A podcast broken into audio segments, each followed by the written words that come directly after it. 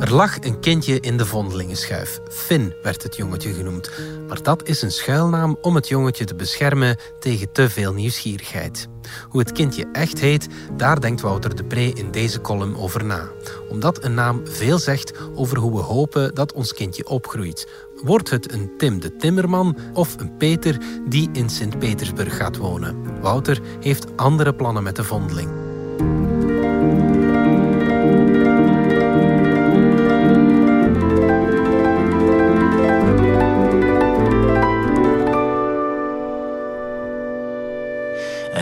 Zou soms vergeten hoeveel vooruitgang onze maatschappij door de geschiedenis heen boekte. Twee eeuwen geleden werden kinderen vaak te vondeling gelegd. Ze belanden in het vondelingentehuis zonder dat er een haan naar kraaide.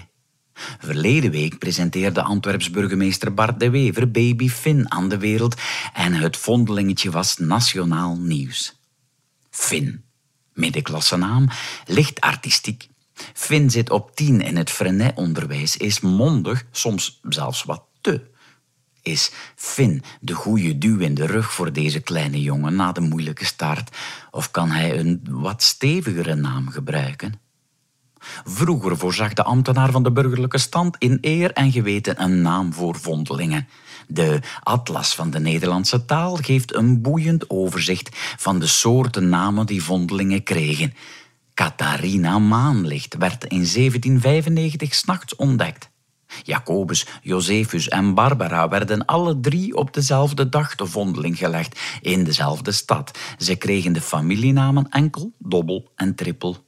En Barbara van der Mussen en Gregorius Goudvink doen een ornithologische interesse vermoeden bij de bevoegde ambtenaar.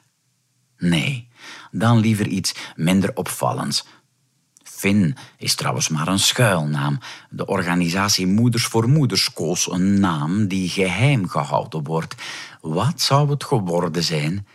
Geen familiegeschiedenis, geen voorkeur van moeder of vader, geen cultuur of religie waar je het kind met zijn naam in kunt plaatsen.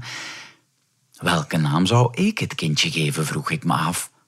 De verantwoordelijkheid voelde verpletterend. Wetenschappelijk en minder wetenschappelijk onderzoek leren wat voor verstrekkende gevolgen een eenvoudige voornaam kan hebben.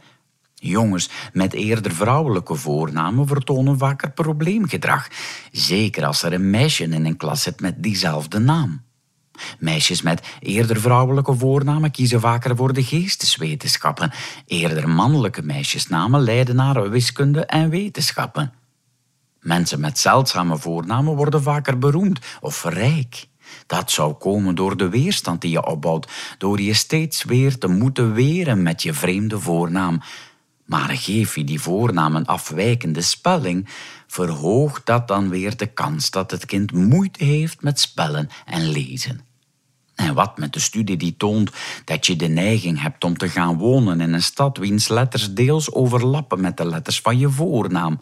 Riskeer je met een Peter dat je over twintig jaar je kind twee maandelijks kunt gaan bezoeken in Sint-Petersburg? Je zou zelfs vaker een beroep uitoefenen dat verwant klinkt met je naam. Tim wordt gemakkelijker Timmerman, Serge, sergeant en Mario, marinier. Een Eleonora gaat dan weer drie keer vaker naar Oxford dan je zou verwachten op basis van het statistisch voorkomen van haar naam. En Jade heeft honderd keer minder kans dan Eleonora om naar Oxford te gaan. Hoe rijm je al die onderzoekjes samen? Er kwam een rust over mij toen ik terugdacht aan mijn klasje uit het lager. Twee Barten, twee Dimitris, twee Wouters, een Tom of twee. Het zotste was een Lorenzo. Vanaf het middelbaar zaten we met vijf Wouters in de klas.